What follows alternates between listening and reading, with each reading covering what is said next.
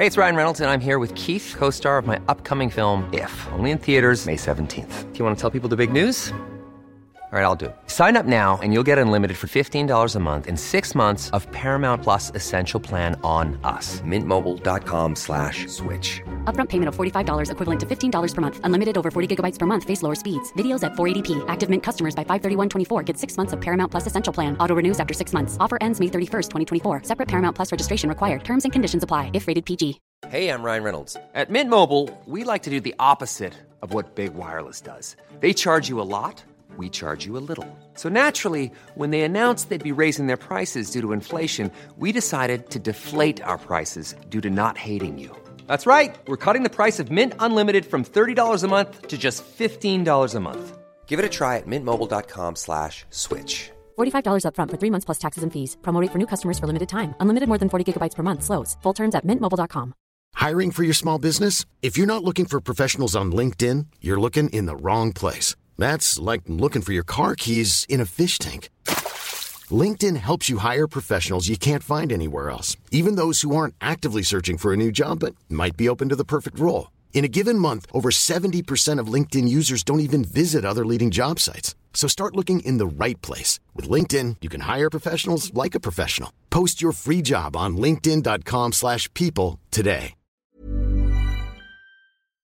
Välkomna tillbaka eh, sötisar, ni som precis har blivit eh, dumpade har ni inte blivit. We stood you up på, på våran live här i fredags. Eh, det är mitt fel, ber så hemskt mycket om ursäkt för det. Men nu är vi tillbaka, det är söndagsmorgon, vi sitter redo att spela in två avsnitt till er. Och du lyssnar som vanligt på Nyans med mig Kajan. Mig Hanna. Och mig Paula. Oj. Då har vi inspelningen igång. Så ja, åklagaren kan väl börja ställa frågor. Ja, tack. Det här är Nyans, feministisk true crime med Kajan, Hanna och Paula. Idag hörni ska vi prata om ett fall som vi kallar för det stora romansbedrägeriet. Det låter ju liksom lite lustigt nästan. Det är det absolut inte. Eh, Och det hoppas vi att ni ska förstå. Jag kan bara säga nu innan jag läser. Jag har eh, på gång och fått ryggskott och ibland så hugger det och då liksom eh, stönar jag, stönar jag till. Eh, Så skulle, jag försöker sitta helt still, men kommer det något sånt så förstår ni vad det handlar om. Åh, Kajan. Det är så, jag reagerar på så plötslig smärta Ja. med väldigt konstiga ljud. Jag tänkte säga att jag vill höra dig stöna, men det kändes jättefel. Jag har inget emot att höra dig stöna då. Fel på så många nivåer också. Mm. För då ska jag röra mig så att det gör ont. Nu sitter jag också lite som en ostbåge Mm. för att eh, hamna framför micken på ett bra sätt. Ach, så jag känner mig så jävla gammal. Eh, källor till det här fallet, jag har läst ett förundersökningsprotokoll, en tingsrättsdom och jag har lyssnat på ljudupptagningar från huvudförhandlingen i tingsrätten. De inblandade personerna i det här fallet är väldigt många. Vi har på brottsoffersidan 18 kvinnor, eh, oftast äldre kvinnor. På förövarsidan, som är lite knepig, jag har liksom skrivit förövare slash offer, det kan vi diskutera sen, men där har vi en eh, kvinna som heter Ulrika och som är i 50-årsåldern. Det här kommer att handla om en person som kallar sig för, eh, bland annat ska jag säga, Scott Brown. Eller snarare kommer det att handla om den förödelse som han lämnar efter sig. Det är en man som under genomgången kommer att använda, som sagt, flera olika namn, men han kommer också använda sig av flera olika professioner. För Ulrika, som är en eh, ensamboende kvinna i 50-årsåldern, eh, presenterar han sig som en ensamstående pappa till en pojke. Han är britt och han arbetar för FN på plats i Syrien. Ulrika får kontakt med Scott Brown via sociala medier 2016. Och det börjar med att hon får en, en vänförfrågan på Facebook och de börjar skriva till varandra där. Eh, de skriver och de börjar skriva väldigt mycket och snart utvecklas det här till en daglig kontakt och också till en romantisk relation. Ulrika själv berättar i förhör att eh, det till och med var tänkt att de skulle gifta sig. Scott Brown skulle komma till henne i Sverige. Han skulle avsluta sin FN-tjänst och, och flyga till henne i Sverige och de skulle bli ett par. Men det står lite saker i vägen förstås. Det börjar väl ungefär med att Ulrika behöver betala för en, en advokat och eh, en typ av äktenskapscertifikat inför att han ska komma till henne i Sverige. Eh, och det här då för att de alls ska kunna gifta sig, får hon förstå. Och hon betalar sammanlagt ungefär 50-60 000 för det här. Men efter att de då sammanlagt sedan de träffades 2016 på nätet eh, har haft kontakt så framkommer även andra saker som Ulrika måste hjälpa till med innan de då kan liksom träffas och börja bilda sin familj. Ulrika själv menar att Scott Brown då berättar för henne, och nu får ni försöka hänga med här för det är rörigt. Eh, Scott Brown berättar för henne att maten på den här militärbasen som han är på i Syrien då är eh, så dålig. Den är så äcklig så den går inte att äta. Eh, och får inte han äta så kommer han svälta ihjäl då förstås. Och dessutom så behöver hans son Robert pengar till skolböcker. Robert bor, i, i USA, men eh, man måste skicka pengar till hans lärare eller rektor för att han ska kunna få sina skolböcker. Så det Ulrika får höra att hon måste göra nu är att hon ska ta emot pengar från fruar till Scotts kompisar på basen i Syrien, alltså hans militärkompisar. Och de här fruarna kommer skicka pengar som hon då tar emot och sen ska hon föra över de här pengarna till Scott. Och det gör hon.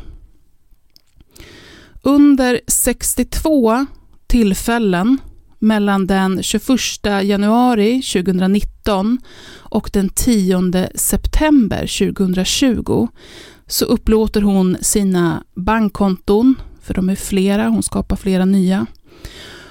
Och hon mottar och skickar iväg sammanlagt 6 913 934 kronor och 10 öre. Vid vissa tillfällen är det översättningar om flera hundratusen kronor eh, som hon får ta emot. Alltså en enda betalning kan vara på 340 000. Liksom. Ulrika menar själv att hon verkligen trodde på Scott Brown och sa att de här eh, pengaöverföringarna eh, var precis sådana som han påstod. Eh, alltså från fruarna till hans kompisar på basen och att han behövde dem till mat för att kunna äta och då till sonens skolböcker. Och sen var det också att han behövde pengar för att komma hem Eh, från Syrien då, så att han kunde avbryta den här tjänsten och de kunde gifta sig. Ulrika kunde ju då förstås själv se att de här pengarna, eh, alltså vem de kommer ifrån, vilken avsändare de kommer ifrån, alltså det som skulle vara eh, militärbaskompisarnas fruar. Och hon såg också att det var eh, namn på till synes svenska kvinnor som skickade pengarna. Men när hon får frågan om hur hon förklarar det här, om hon inte tänkte på det, Eh, så sa hon bara att Scott Brown har berättat för henne att hans kollegor där nere i Syrien var svenskar. Så att det var inte något konstigt i sig. Men även då om Ulrika inte reagerar så mycket på de här jättesummorna själv, alltså nästan 7 miljoner kronor, eh, så gör bankpersonal det. Hon blir bland annat kontaktad av eh, Sparbanken som vill veta vem det är som har skickat henne de här jättesummorna och varför. Eh, Ulrika svarar på det här och hon ljuger. Hon säger att eh, de var återbetalning av ett lån. Eh, och det här finns ju då dokumenterat i fuppen när hon skriver och, berättar om de här, ja, när hon ljuger om var pengarna kommer ifrån och vad de skulle gå till. Och så får hon fråga om det och hon menar själv att hon sa ju bara så för att Scott Brown hade sagt till henne att säga så. Och då tyckte hon att det var eh, rimligt. Eh, eller rimligt, hon säger sig, jag tänkte, inte, jag tänkte inte längre än så. När en annan bank hör av sig så, och frågar om de här stora summorna så ljuger hon igen. Hon ljuger nu om ett helt annat scenario. Även det ska Scott Brown ha, ha sagt till henne att uppge till banken. Och när hennes ena konto blir spärrat hos en bank på grund av den här misstänkta aktiviteten och eh, man spärrar ju också konto om Ulrika inte svarar på bankens frågor, eh, vilket också händer, så, eh, så spärras konto. Men då öppnar hon bara ett nytt konto helt enkelt. För Ulrika kan inte föreställa sig att det hon gör är fel på något sätt. Hon vill ju bara hjälpa Scott, hon är en god medmänniska. Och bryr sig om mannen som hon är, är kär i och som hon ska gifta sig med. Och det här kan väl inte vara så allvarligt, tänker hon. Inte ens då när hon får brev från bankerna där det står att de utreder penningtvätt förstår hon att det är allvarligt. Hon vet inte vad penningtvätt är för någonting, eh, uppger hon själv. Hon säger att hon sökte lite för att ta reda på det, men att hon fattade inte. Men tänkte i alla fall att det kan inte vara så allvarligt. Eh, hint, det är det. Ulrika menar också att hon är väldigt sjuk vid den här tiden. Det är hon. Hon har en, en diagnos som påverkar henne med smärta och så. Och hon är under stark medicinering. Och hon menar själv att det här liksom är en förklaring till att hon eh, inte undersöker sakerna som Scott Brown säger. Eh, hon vet inte varför hon skulle misstro honom, men sen mår hon också så pass dåligt så att hon orkar liksom inte. Hon säger själv att hon glömmer att komma ihåg saker. Eh, och Det här gör att hon kan glömma att betala räkningar och sånt där och att hon efter att hon har gjort något, fixat med något bankkonto eller något, måste vila sig. Men pengarna till Scott Brown betalas ändå då, trots att hon är bra på att glömma saker, så betalas de över oftast eh, precis samma dag som de kommer in till något av Ulrikas konton. Och att hon liksom är så um, snabb med det här och har sån koll på det, kan man ju tycka går lite i clinch med det hon säger om att hon glömmer saker hela tiden och sådär. Men hon menar att det är för att Scott helt enkelt är på henne hela tiden och hör av sig och frågar om något har kommit in.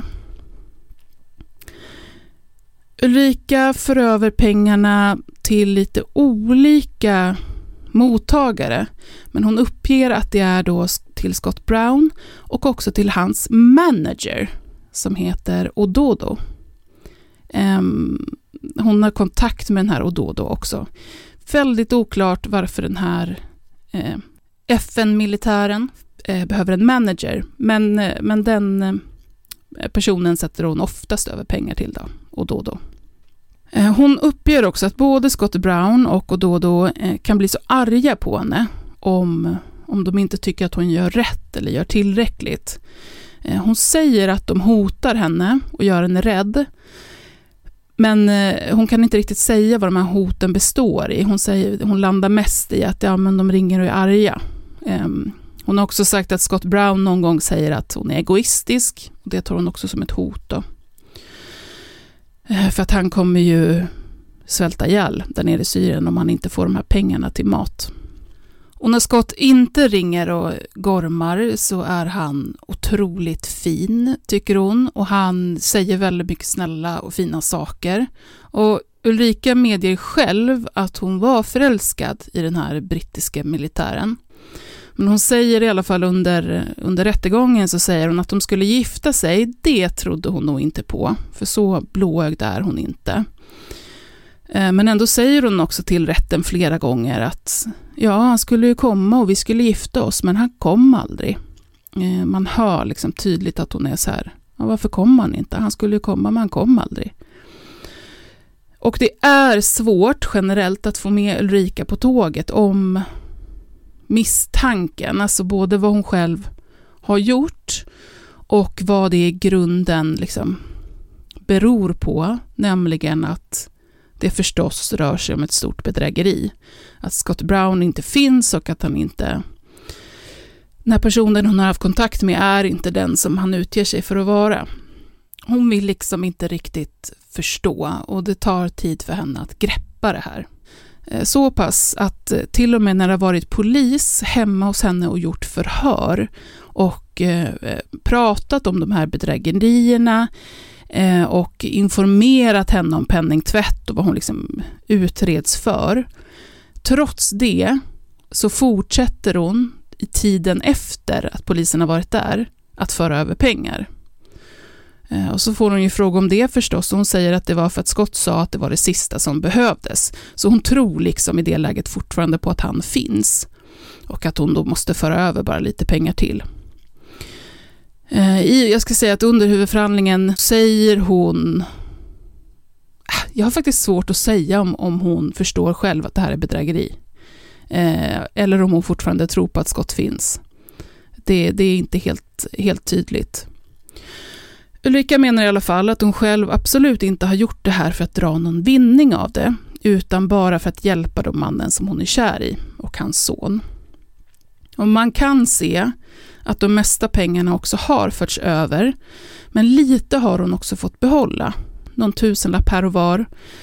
Eh, så det är i sammanhanget inga enorma summor, men de finns ändå där.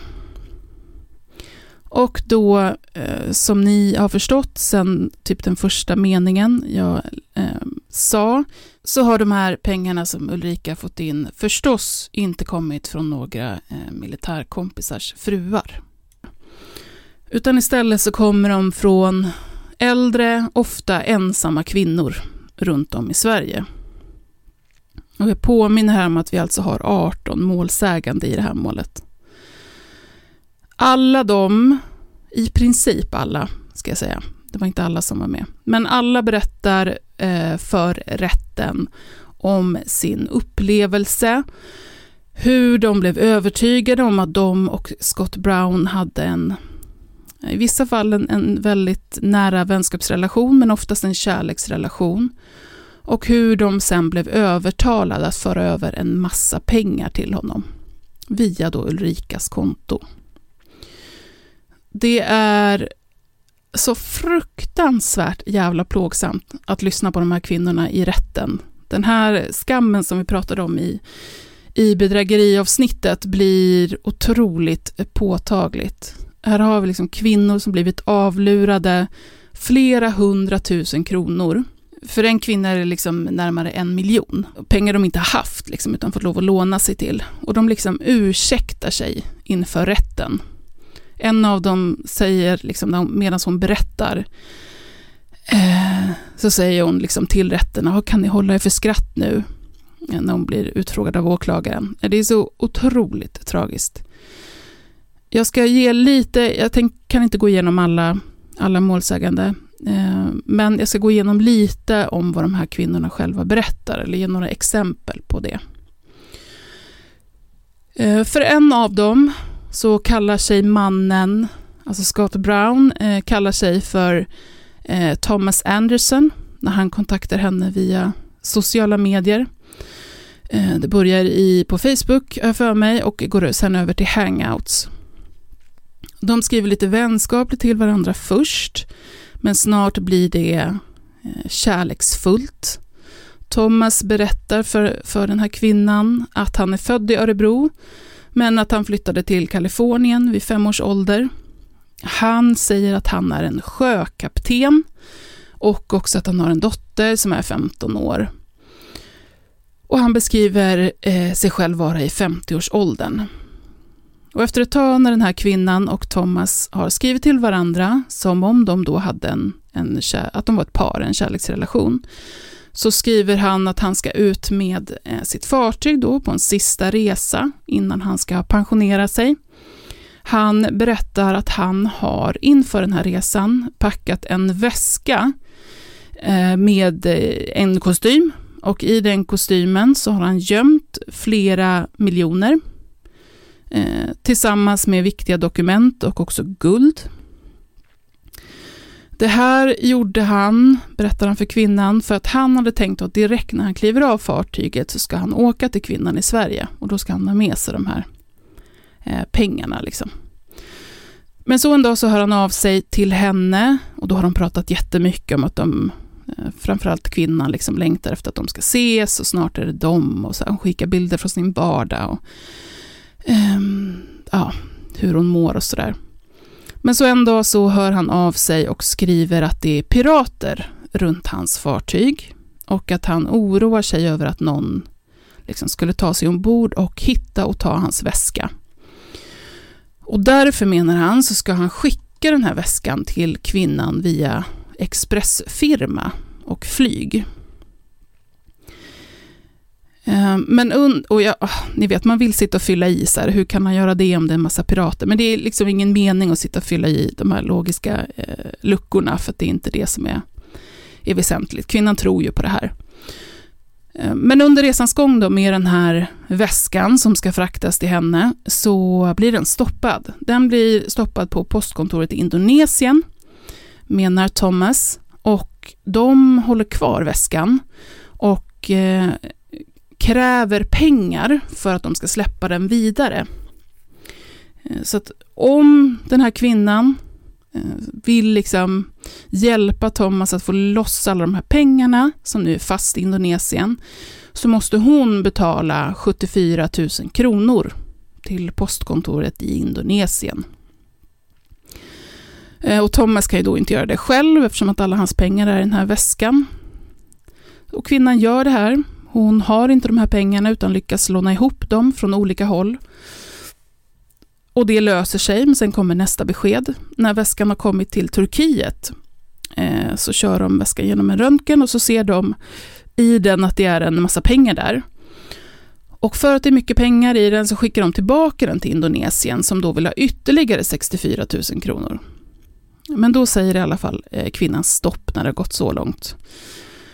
Hennes barn har då kommit in i bilden, de har upptäckt de här överföringarna och sätter sig ner med henne och berättar att hon har blivit lurad. De kan också visa att det här, för Thomas har ju skickat bilder av sig själv. Då kan de visa att de här bilderna, den här mannen som syns på bilderna, är en helt annan man eh, från Danmark. Kvinnan skriver till Thomas om vilken hemsk människa han är och han blockar då henne direkt. Eh, och det här är liksom i fupparna, ska sägas, är så, eh, en del av dem så fruktansvärt långa. För att det är sida på sida på sida med de här konversationerna mellan, och då framförallt med den här kvinnan jag berättade om nyss. Och det är så, och jag vill liksom inte hänga ut, eller inte hänga ut, men det, känns, det är sånt jävla intrång, eh, integritetsintrång. Eh, att ens jag ska sitta och läsa det där i fuppen. För, för, nej, men det, hon är fruktansvärt utsatt och hon är helt snärjd av den här eh, påhittade mannen. Hon skickar liksom bilder på sin, på sin avlidne make och pratar om att liksom Thomas är den andra kärle stora kärleken i hennes liv. Äh, det är fruktansvärt. En annan kvinna, eh, slutligen här då, berättar att mannen som kontaktade henne på Facebook kallade sig för Stefan Andersson. Han sa att han var född svensk men att han flyttat till San Francisco. Och med henne så körde han också den här grejen då med att han skulle skicka en väska med pengar till henne. Han skickar till och med eh, med en bild där han håller upp en, en väska med pengar till henne. Tittar man på den här bilden så ser man att det är en tydligt, väldigt tydlig photoshoppad bild eh, på en, en glad vit medelålders man som håller en öppen väska fylld med packade sedlar. Och när kvinnan sen förstår att hon blivit lurad så har hon sökt på de här bilderna på mannen och hittat att de tillhör en känd eh, hälsoguru från Australien. Så han tar sig lite olika skepnader, eh, den här mannen. Jag har lite till. Det finns jättemycket att prata om eh, utifrån ljudupptagningarna, men jag tänker att vi går till tingsrätten, Hanna. Nyans, feministisk true crime med Kajan, Hanna och Paula. Alltså den här typen av bedrägeri är ju helt klart den värsta sorten.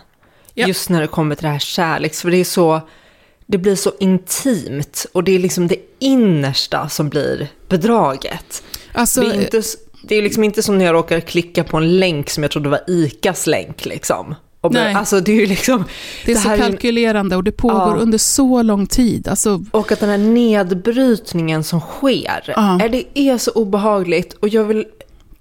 Och jag, jag förstår verkligen den här, att man kan känna så stor skam. mm. Men det är, det finns, alltså, jag vill bara säga att skammen är ju inte de här, den här, de här kvinnornas överhuvudtaget. Och jag tror verkligen att i princip vem som helst kan råka ut för det här. Om man är på liksom rätt, eller fel då, plats i livet eh, och en sån här person dyker upp, jag, jag tror verkligen att det kan hända vem som helst. Mm.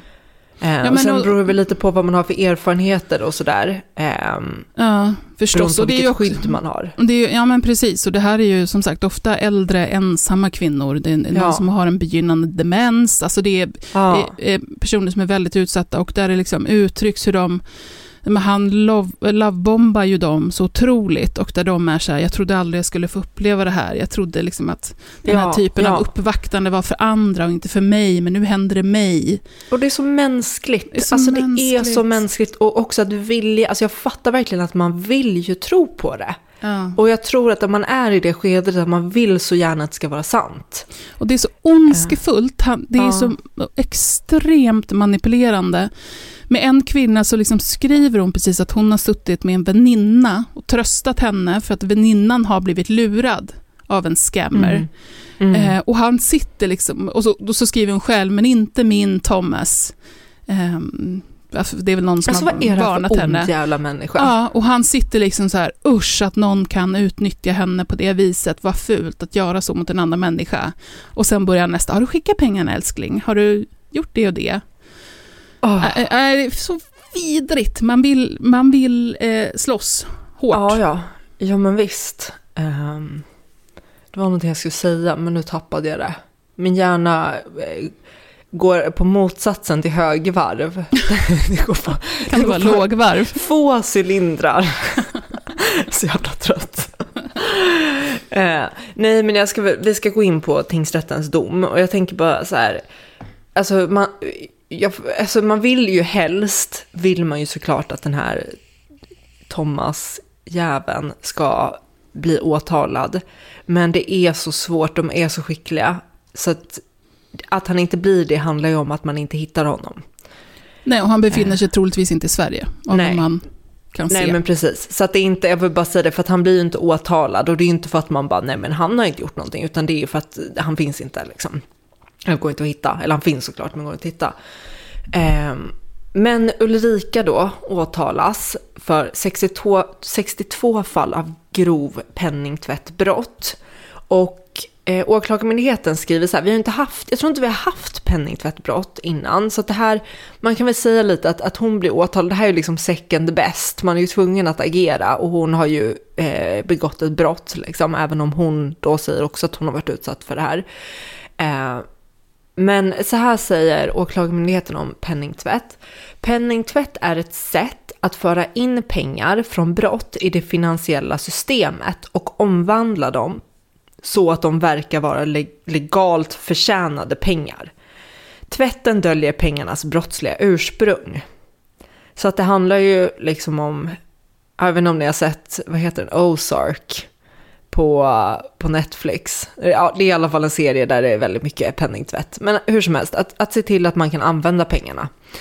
Eh, Jag kan bara säga att det hade vi i Gälstafallet, en annan typ av liksom penningtvätt, när, när då de, eh, en av de här bröderna förmår någon bekant eller kompis att liksom ta ut pengar från sitt konto och man swishar till och sådär. mm. Alltså man, man hoppar pengarna eh, till en mellanhand liksom, som ska... så man, ja men exakt, så kan, tvättandet i det.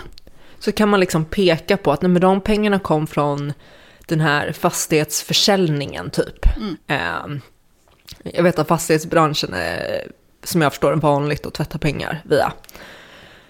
Eh, jo, det, och det, det som åklagaren då menar har hänt är ju att Ulrika har upplåtit sina bankkonton till, ett okänt, eh, till okänd och där mottagit insättningar sammanlagt 6 913 934 kronor.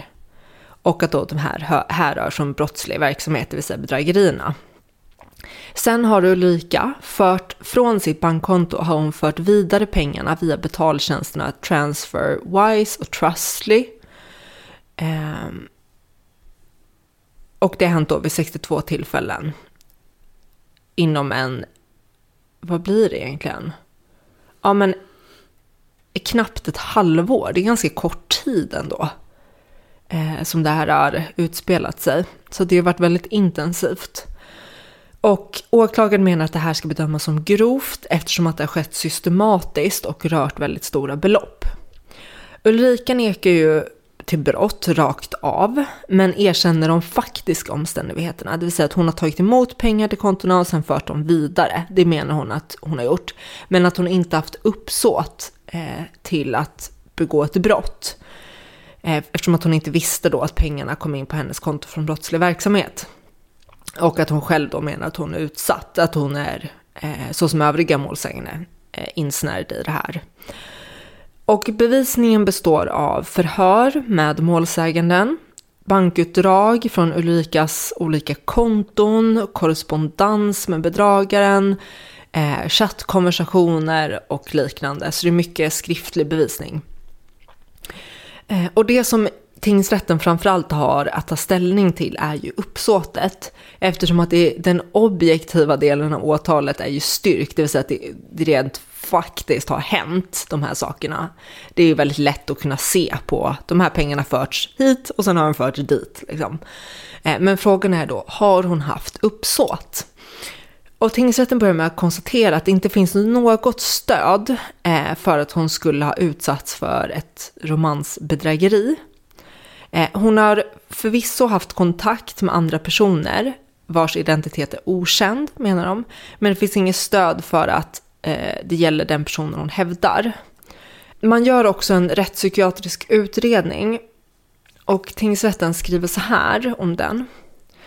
De bedömningar som gjorts av Ulrika inom ramen för rättspsykiatriska undersökningen har inhämtats i målet ger vid handen att det inte framkommit några uppgifter som talar för att eh, Ulrika under gärningsperioden hade en förvrängd verklighetsuppfattning, grav förskjutet stämningsläge, tvångsmässigt agerande eller befann sig i ett förvirringstillstånd. Drivkraften bakom Ulrikas agerande var enligt utredningen istället att hon sannolikt ville vara sin förälskelse till lags och till den delen eh, och också då eh, till en del ekonomisk, egen ekonomisk vinning. Ulrika har inför tingsrätten uppgett att hon inte fick några egentliga e-, ekonomiska vinningar av sitt agerande. Den övriga slutsatsen i den här utredningen är att Ulrika inte begått gärningen under påverkan av allvarlig psykisk störning. Så att det, den delen kan man utesluta. Tingsrätten menar också att det måste ha varit solklart för Ulrika att det var fuffens på gång och då räknar de upp en lång rad omständigheter. Bland annat så lyfter de fram det här med att det är svenska namn och det går liksom inte riktigt ihop med berättelsen tycker de. Ulrika hävdar ju att hon är utsatt för det här bedrägeriet men hon säger aldrig att, att eh, det, det är ju en engelsman då som ska ha utsatt henne. Och hon, hon berättar aldrig att han skulle ha nämnt att han hade några svenska vänner. Och därför så menar de att hon borde reagerat på att det var svenska namn. Så här skriver tingsrätten. Eh, redan följande omständigheter talar sammantaget mot detta. Att det rör sig om många överföringar från olika konton att det på vissa kontoutdrag står svenska namn som beskrivning vid respektive transaktion. Ulrika har inte uppgett att Scotts vänner ska ha varit svenskar. Enligt henne var Scott engelsman, att det rör sig om, eh, ja, enligt honom var det han engelsman. Så att utifrån det så känns det som att tingsrätten inte har snappat upp det här med... Nej, det kan ju också vara så att hon, eh, att det är någon efterhandskonstruktion som hon har sagt. Mm. Och att, att man undrar, för det är någonting de tar upp under eh, när jag lyssnar på ljudupptagningarna. Men, men det kan mm. vara att hon så här, eh, för att hon säger mycket att saker är fel som hon har sagt i förhören. För att hon mm. säger bara saker som Scott har sagt till henne och så här, för att det ska låta bra. Eh, mm. Så det kan ju vara så att hon säger det sen i, i rätten, men att de är så, fast det har du ju inte sagt i, i förhören. Ja. ja. Ja, men det är, precis. Det är Men det är lurigt lite med henne. rörigt. Och det är lurigt med henne, för det är så hit och dit Ja. eh, med saker. Men oavsett så det är ändå någonting de reagerar eh, lite på, de här svenska namnen. Och sen att det rör stora belopp som kommit in från olika konton med om att de också borde reagera på. Och att hon då framförallt även medvetet ljugit för bankerna som ringt henne undrar varför så stora belopp satts in. Där menar man att hallå, där hon måste ha fattat att det här är olagligt.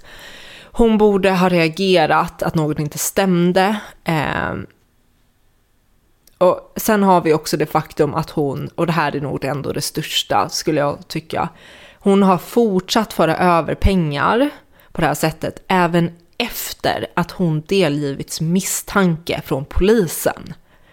Och blir man delgiven misstanke, då måste man fatta att det man gör är brottsligt, eller att det riskerar att vara brottsligt. Men inte ens det har fått henne att sluta, utan hon har ändå fortsatt. Och eh, ja, jag vet inte, det, det ser ju inte jättebra ut när man gör det. Men tingsrätten sammanfattar så här. De anförda omständigheterna har varit sådana att det har funnits en högst påtaglig risk för att de aktuella överföringarna till Ulrikas konton härrörde från brott.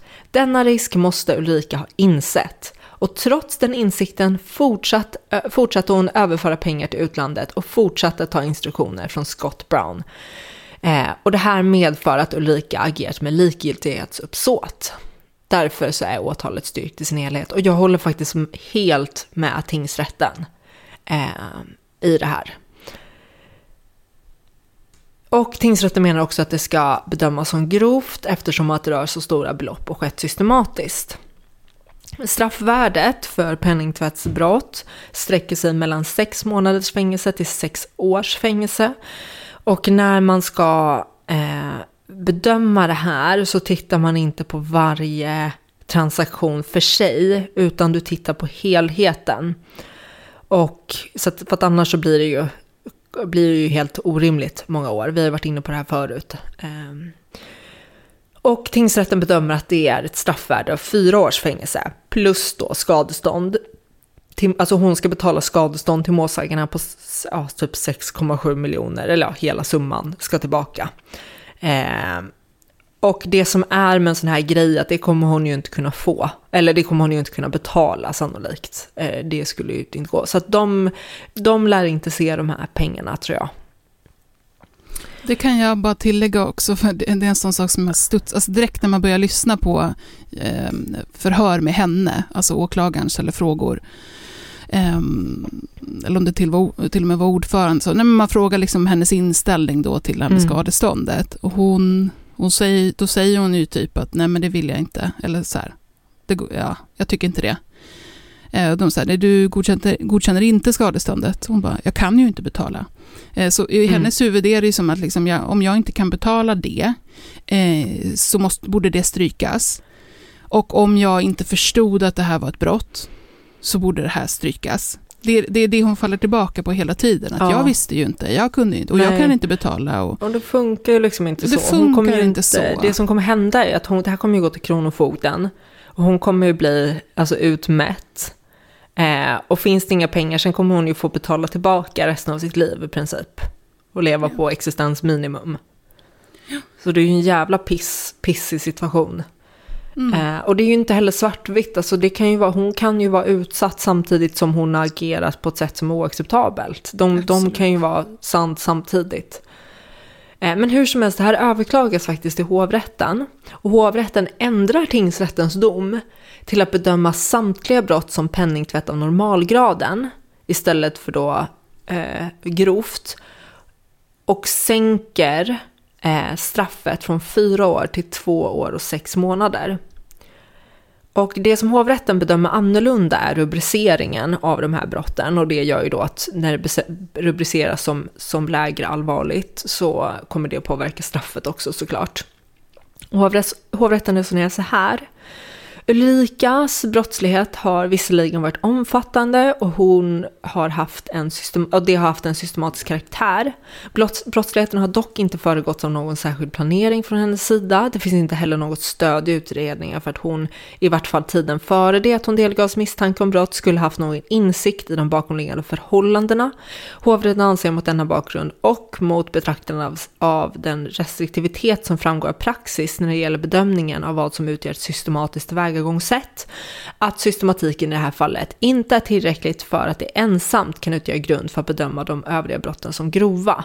Med utgångspunkt i denna restriktiva bedömning som, det ska, som ska göras medför inte heller det upprepade förfarandet i förening med övriga omständigheter som kan påverka gradindelningen att det brott som avsätts värden understiger fem basbelopp, bla bla bla, eh, bör bedömas som grova. Så att, att det faktum att det är så höga belopp är inte heller tillräckligt. Kajan?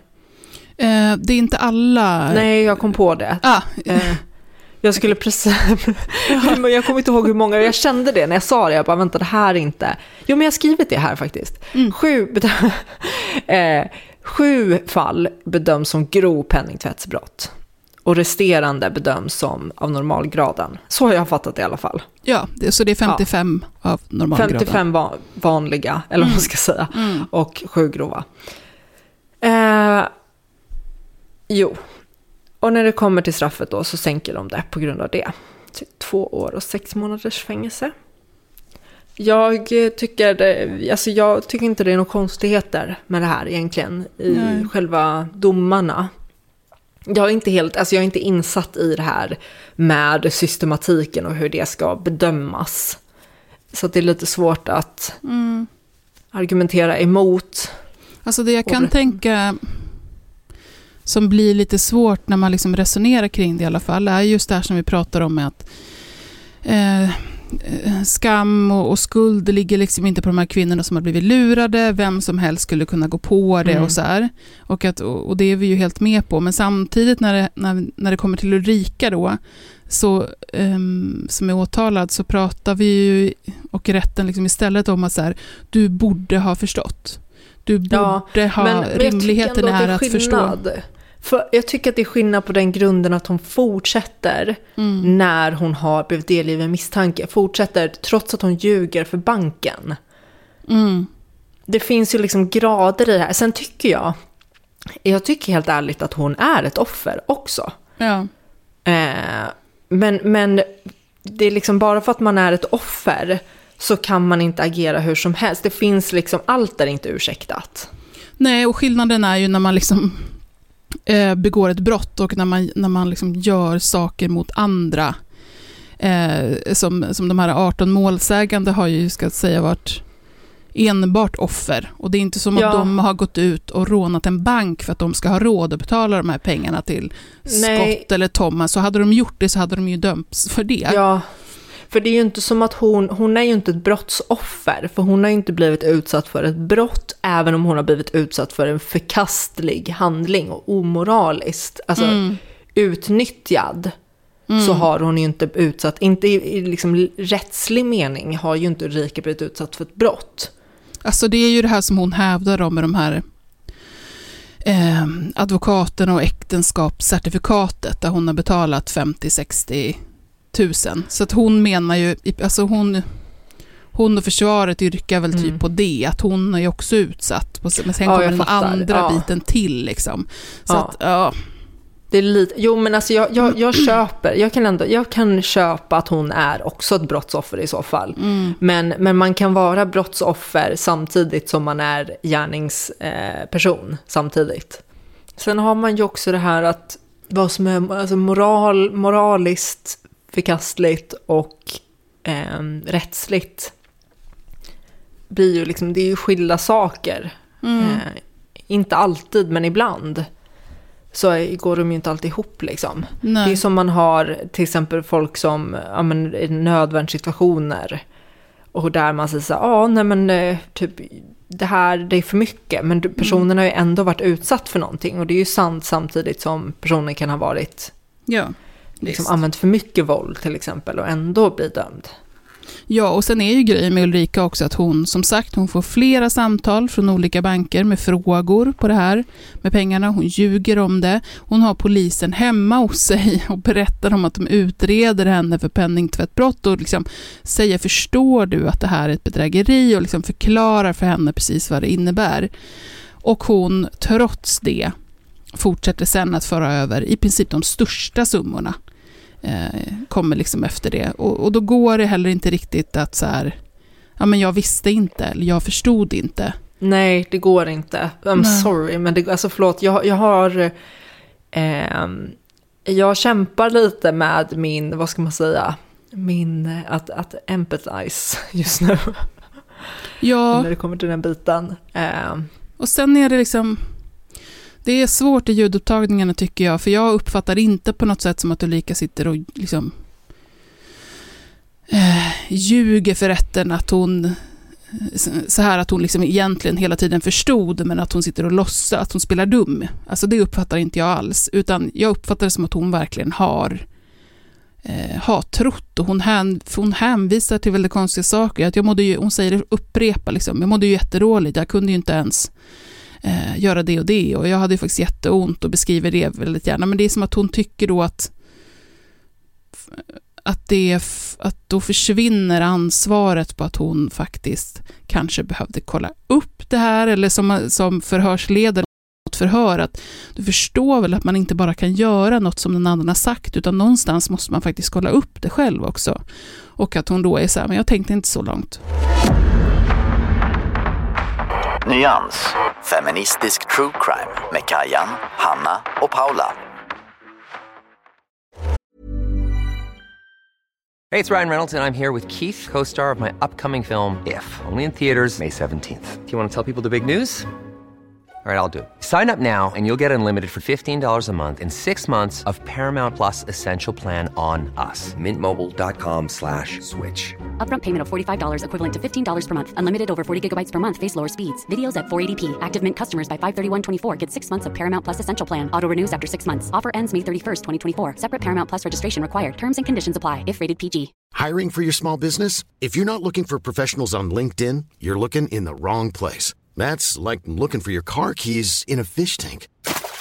LinkedIn helps you hire professionals you can't find anywhere else, even those who aren't actively searching for a new job but might be open to the perfect role. In a given month, over 70% of LinkedIn users don't even visit other leading job sites. So start looking in the right place. With LinkedIn, you can hire professionals like a professional. Post your free job on linkedin.com slash people today.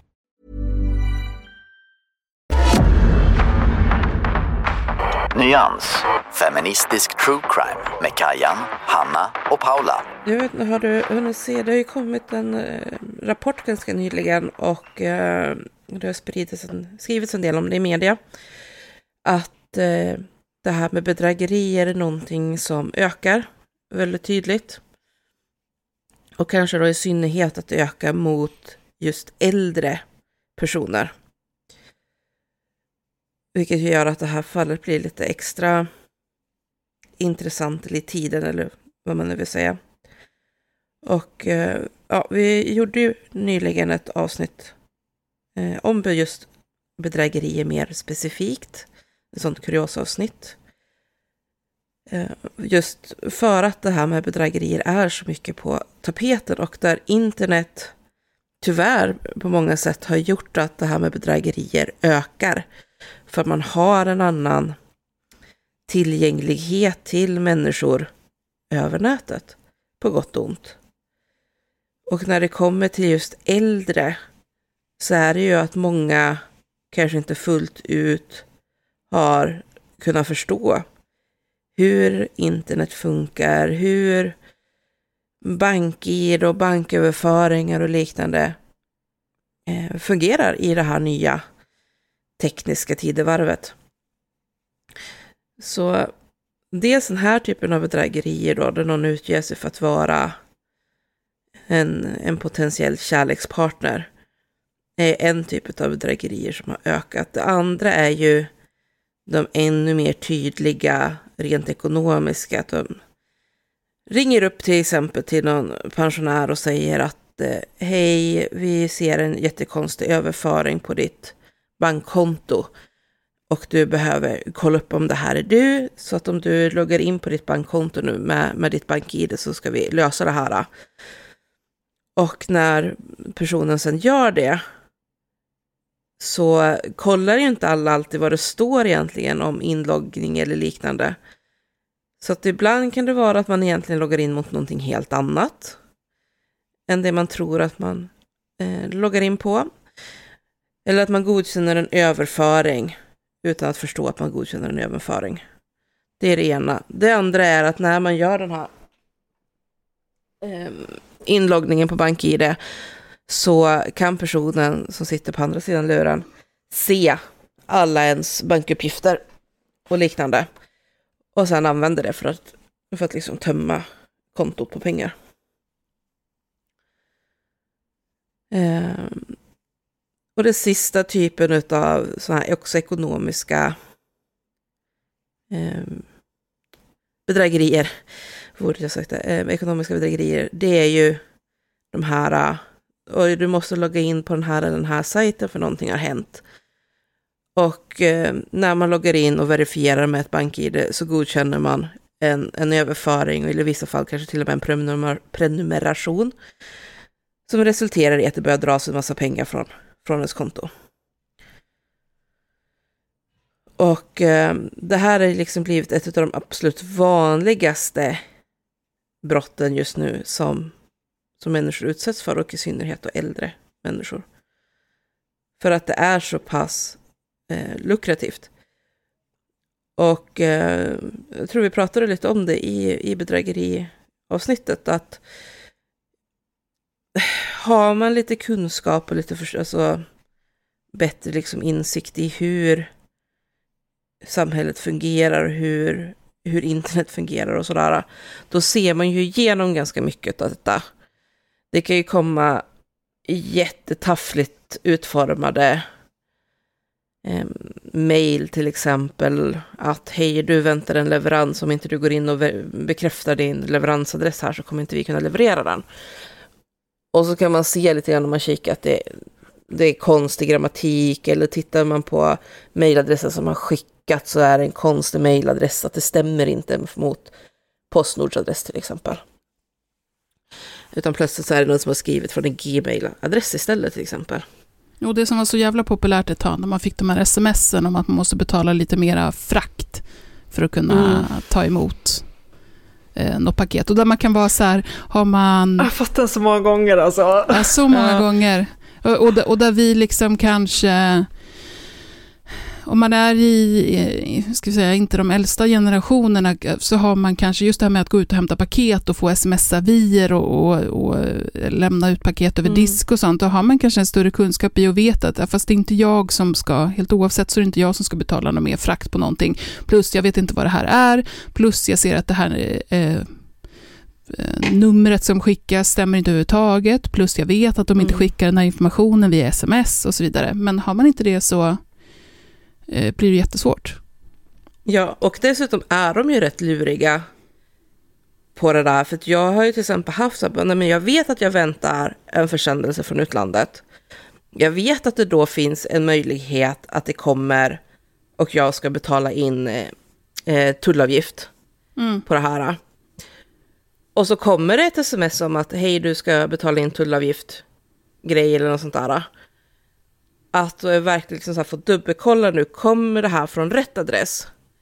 Ser smset rätt ut mot vad jag tidigare har fått för sms ifrån Postnord till exempel, eller UPS, om sånt här. Mm. Eh, att man liksom verkligen får dubbelkolla, just för att jag vet att det kan stämma. Jag ska ju få ett, eh, en leverans från utlandet där jag kommer behöva betala mm. för, eh, för tullen. Så att det, det är liksom väldigt, väldigt lurigt. Jag vet första gången jag fick från Instabox att jag skulle verifiera uh-huh. mig för att få en leverans. Så var jag så här, stämmer detta? Uh. fick verkligen liksom googla runt och kolla så här, bara, jo men det var legit liksom. Det, det var verkligen sånt som Instabox gör ibland när de ska leverera vissa typer av lite dyrare grejer. Men just att bara få sånt typ av sms, liksom att hej du ska få en leverans och du behöver logga in på den här, gå på den här länken och sen Mm. verifiera dig. Gör ju liksom att man blir, jag blir skeptisk. Men tyvärr är det andra som inte blir det. Men också bara då att veta att så här, vi vet ju hur man gör för att kolla upp, alltså man, hur man söker, hur man söker på om det är vanligt med scam från just den påhittade avsändaren eller, eh, och kan kolla upp sånt. Vet man inte det så står man ju ganska handfallen med liksom, antingen ska man tro på saker eller inte. Och det här kan ju, för jag tycker det är så intressant med hur ni vet, man har bilden av, av äldre personer, kanske pensionärer som, eh, ni vet stereotypbilden, eh, pensionärskvinna sitter på bussen och håller väldigt hårt i sin handväska i knät. Liksom. Eh, att man är, är cynisk och väldigt så här, ser fara överallt. typ. Eh, och, och sen så samtidigt så har vi den här liksom, verkligheten på något sätt där eh, de här personerna som blir lurade eh, och också de som lurar uttrycker någon eh, insyn i att det här är lättlurade personer, eh, äldre människor, att det är därför man vänder sig till dem. Men, men att också det finns en, en, en godtrogenhet, inte på något nedsättande eh, sätt vill jag liksom mena det, men att man ändå är så här att, men jag pratade ju med personen och det Ja, han ja, sa jo. var ju liksom, varför skulle någon sitta och lura människor sådär? Så är ju min mormor. Vi har ju haft den här. Det hänt, alltså hon har ju blivit bedragen så många gånger. Nej. eh, på det sättet. Att de ringer, de är så skickliga. De ringer och säger att de ringer från banken. Och är så här, nu, nu, det är någon som försöker, du har blivit utsatt för ett bedrägeri. Och, nu, nu, och, och de ringer också så här, ja men typ jättetidigt på morgonen när man är nyvaken. Eh, och är så här, nu måste det gå fort innan så vi kan stoppa det här liksom. Mm. Ehm, och det är också det här, bara, men de ringde ju från banken liksom. Ja. Och sen Men det är här... ju jättevanligt. Det, jag vet att min, jag har haft det samtalet med min pappa flera gånger, att så här, eh, gå, gå inte på någonting som någon Mm. säger. Och han är så här, "Nej, det skulle jag aldrig göra. Eh, och sen så samtidigt så kan ju han, har ju han i perioder också kunnat bli så här, ja men ni vet bara när det började med typ e-handel och man skulle köpa Ja. saker, det var ju liksom ett skifte i att från att man går i butik och handlar Ja. saker till att man liksom köper någonting på nätet. Så det var under jättemånga år som han så här, Eh, nej, jag, tänker inte, jag knappar inte in mitt, mina kortuppgifter Ja, på någon sajt, liksom, så att han inte kunde köpa någonting. Så att jag Ja, fick liksom så- ja. och, och när, man då, när jag blev så här skitirriterad, bara, fast det är inte en scam. Alltså att du är inne på en, en webbutik och, och ger dina betaluppgifter när du handlar är liksom inte en scam. Och, och samtidigt är det så här, hur, hur fan ska man veta skillnaden då? Ja, nej men det är inte så enkelt, men jag känner igen det där också.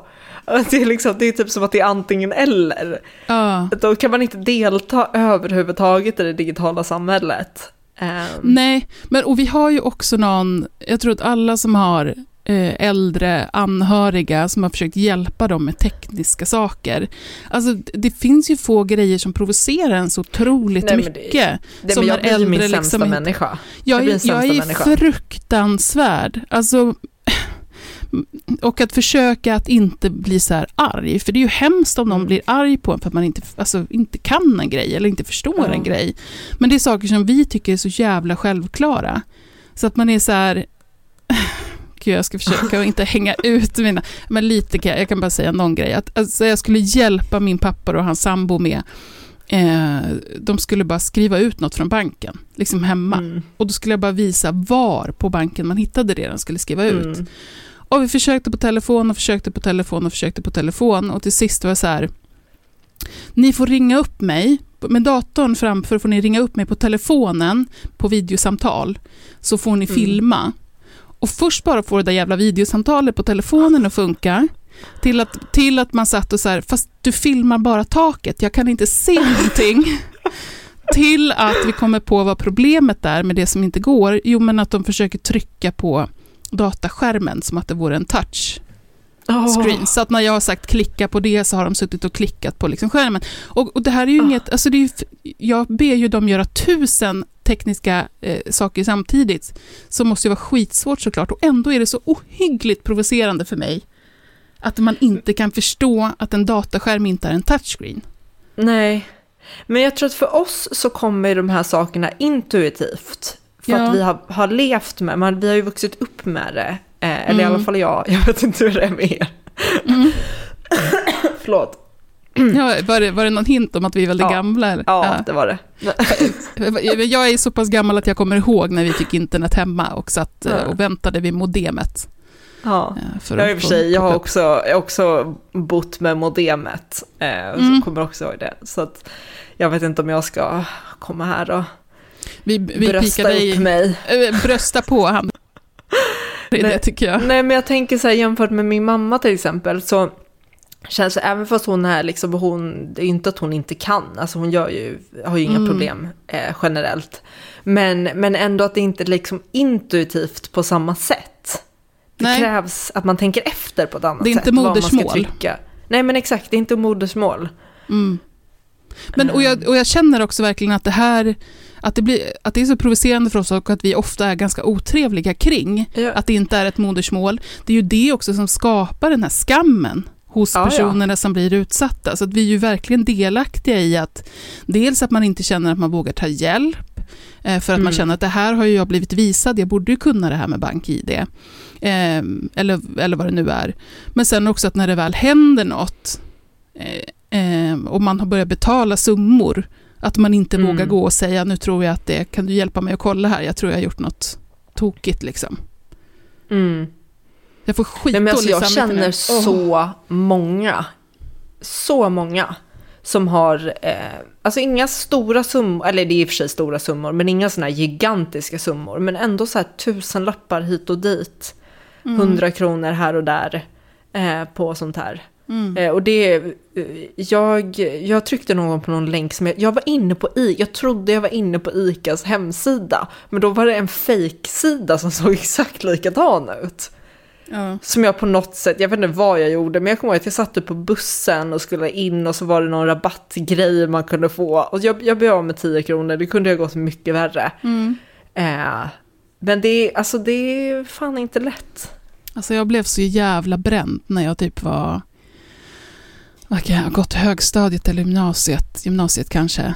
Eh, och det var precis samma satt, eh, man hade typ en dator hemma med nät på, Mm. man fick sitta och vänta i tio minuter innan man var uppkopplad och så, eh, det måste vara hög, högstadiet, eh, och så satt man och skrev på MSN till varandra. Typ. Mm. Och, och då hade jag några, för då hade man ju nätkompisar också, som man bara träffade på nätet och så var det liksom egna relationer, eh, en helt ny grej. Och då satt jag med en, en killkompis och då sk- skickade han mig någon länk som skulle vara en så här, för det var ju väldigt mycket så i början. Eh, man, kunde, man fick en länk och så kunde man klicka på den, då hade man fått ett vykort där det var eh, fjärilar som flaxade typ och det var det coolaste Mm. man någonsin hade sett. Eh, men, och då var det en länk att jag skulle fylla i som en mini-enkät och så skulle jag bara få upp någon typ spådom om det. Typ så saker jag önskade mig eller så här. Så skulle Ja. jag få veta om det skulle bli så. Och då var en så här, vad heter personen du är kär i? Och då skrev jag i det. Och sen visade det sig att det här inte alls var någon sån enkät jag skulle få någon spådom, utan det bara gick till den här killkompisen då, så han kunde vara så här, ha, du är kär i Oscar. Nej. Och jag var, blev så bränd. Jag, Ja. jag gjorde slut med den kompisen, pratade aldrig med honom igen. Eh, och, och sen har jag alltid varit så här, är det här någon, om jag svarar på det här nu, kommer någon få reda på vem jag är kär i? Den, Åh. den misstanken om precis allt. Men den sitter fan kvar. Ingen ska, det. ingen ska få reda på vem jag är kär i. Nej. Låt mig vara. Men kommer ni ihåg att man hade den? Jag har inte tänkt på det förrän nu, det här med att man var ju alltid supposed to be kär i någon. Det var Ja. alltid att man, någon var man ju kär, vem, det var alltid så standard liksom, vem är du kär i? Mm. Man var alltid kär i någon. Mm. Det är som typ, vilken är din favoriträtt? Det, det har man Ja, men alltid. där. exakt. Och det är samma med Exakt. vem är du kär i. Ja. Mm. Jag tror att jag brukade bara säga någon, så här, liksom den populära som alla var kära i. Det var alltid någon liksom. Jag sa alltid något fejknamn på typ, ja ah, det var någon jag träffade på sommarlovet. Och så var det någon helt, någon helt annan. Jag tänkte bara säga en mer oförarglig typ av bedrägerier som de höll på med betydligt mer förr än nu. Det var de här jävla kedjebreven. Mm. gud. Ja. Nu har de- Det kunde man ju bli osams med kompisar för, för att man var så här, sluta skicka för att det där, när man själv hade förstått att det där liksom är eh, scam. Och de inte förstod det. Mm. Men vad gick de ut på? Jag kommer inte ihåg. Nej men det, det, det fanns väl lite olika, men, men framförallt så gick de ju ut på bara att skapa rädsla hos folk. Så vem den var som liksom drog igång de här nu då för att jävla sådär, det var ju verkligen bara en, någon idiot någonstans som satt och kände sig maktfullkomlig och cool. För att han fick, eller hon, men mest troligt han, fick en massa småkids att bli rädda.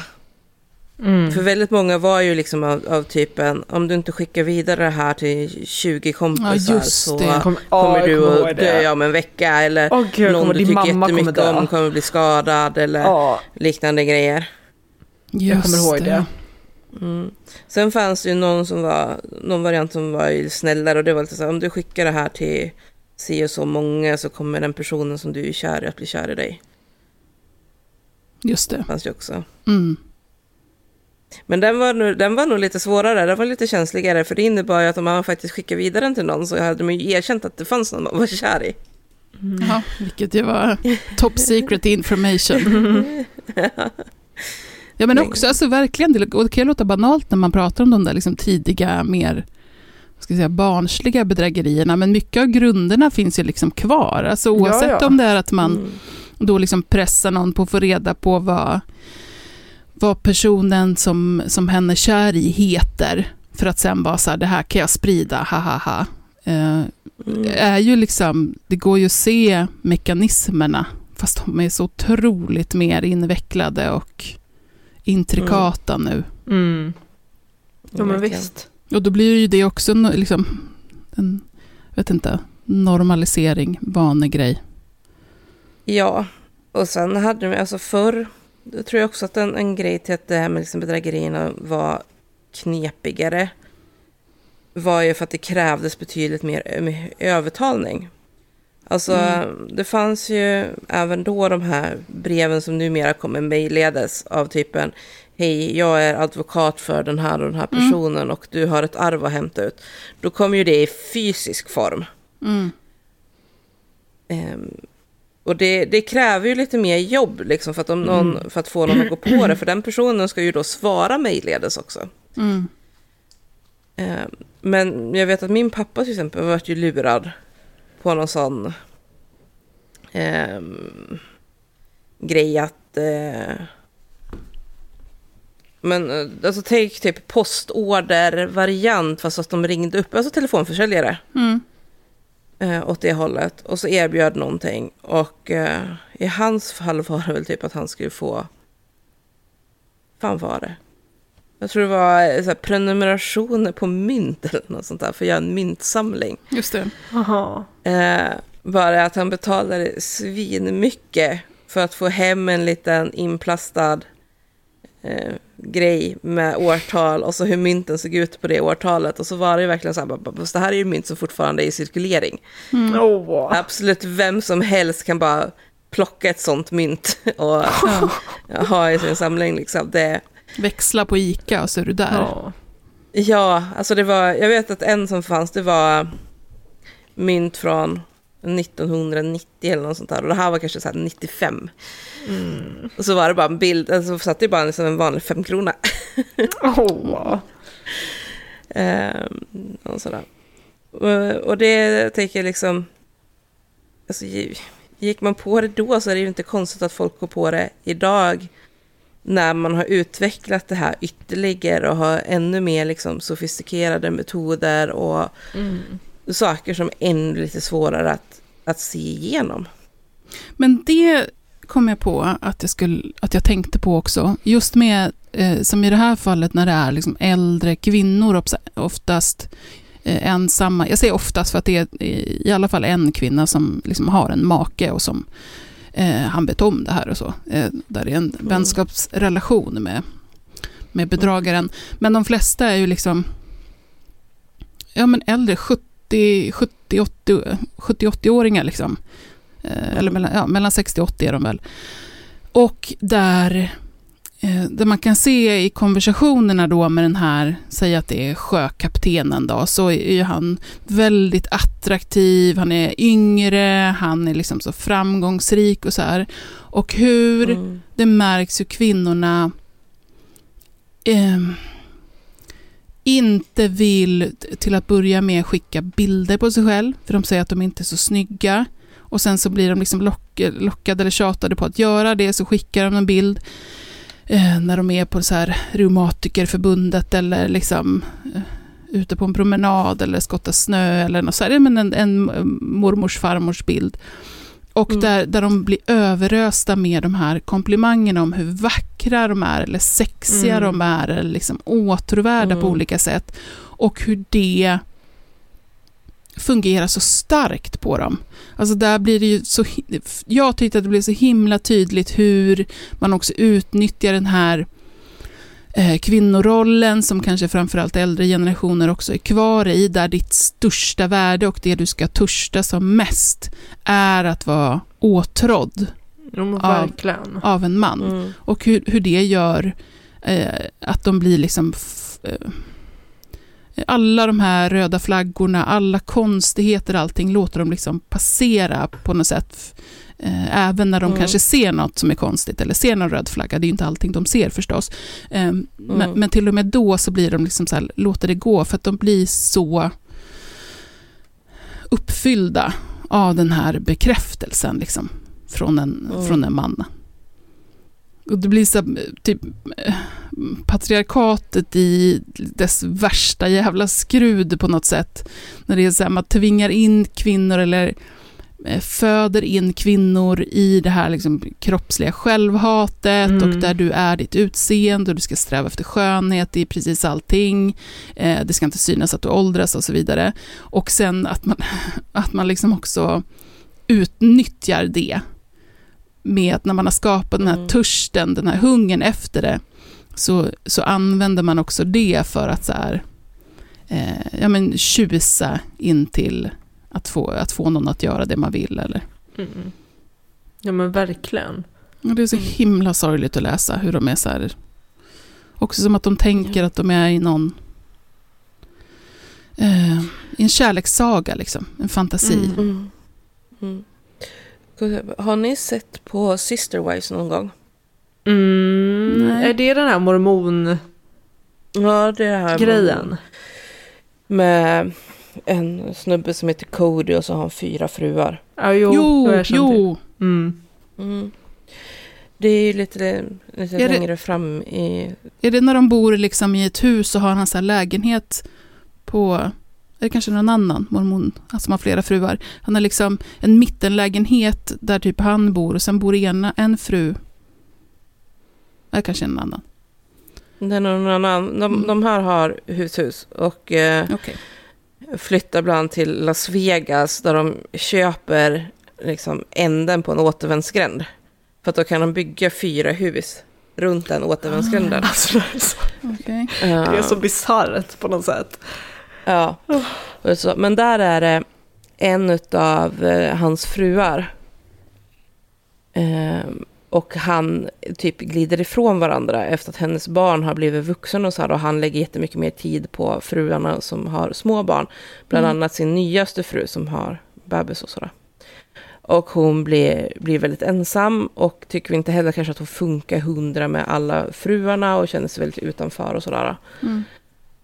Och och um, det resulterar i att hon blir catfished.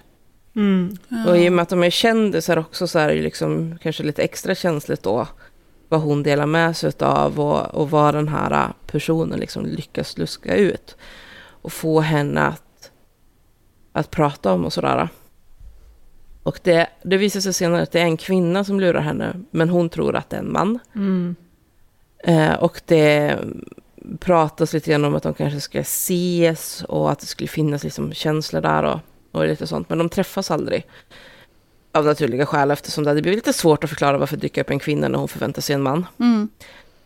Uh, och så. Men det jag ska komma till är ju att flera av kvinnorna, hennes egen dotter och då den här Cody, är jätte, jättearga på henne sen. Alltså verkligen superarga. Det För att hon blev catfished. För att hon blev catfished. Det sabbar ju under lång tid relationen med dottern. Mm. För att dottern är så förbannad över att hon hur hon kunde gå på det här, hur hon kunde bli lurad på det här sättet.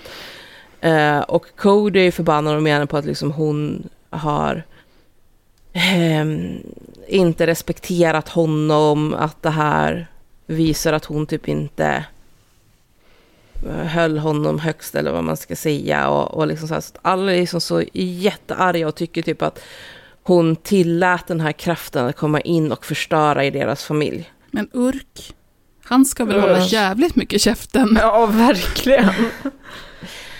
Alltså, jag, jag är så glad över bland de sista liksom, säsongerna som har sänts, att alla utom den nyaste frun lämnar ju honom. Ja. Yay. Så han, han har inte fyra fruar längre, nu har han en. Rimligt ändå. Mm.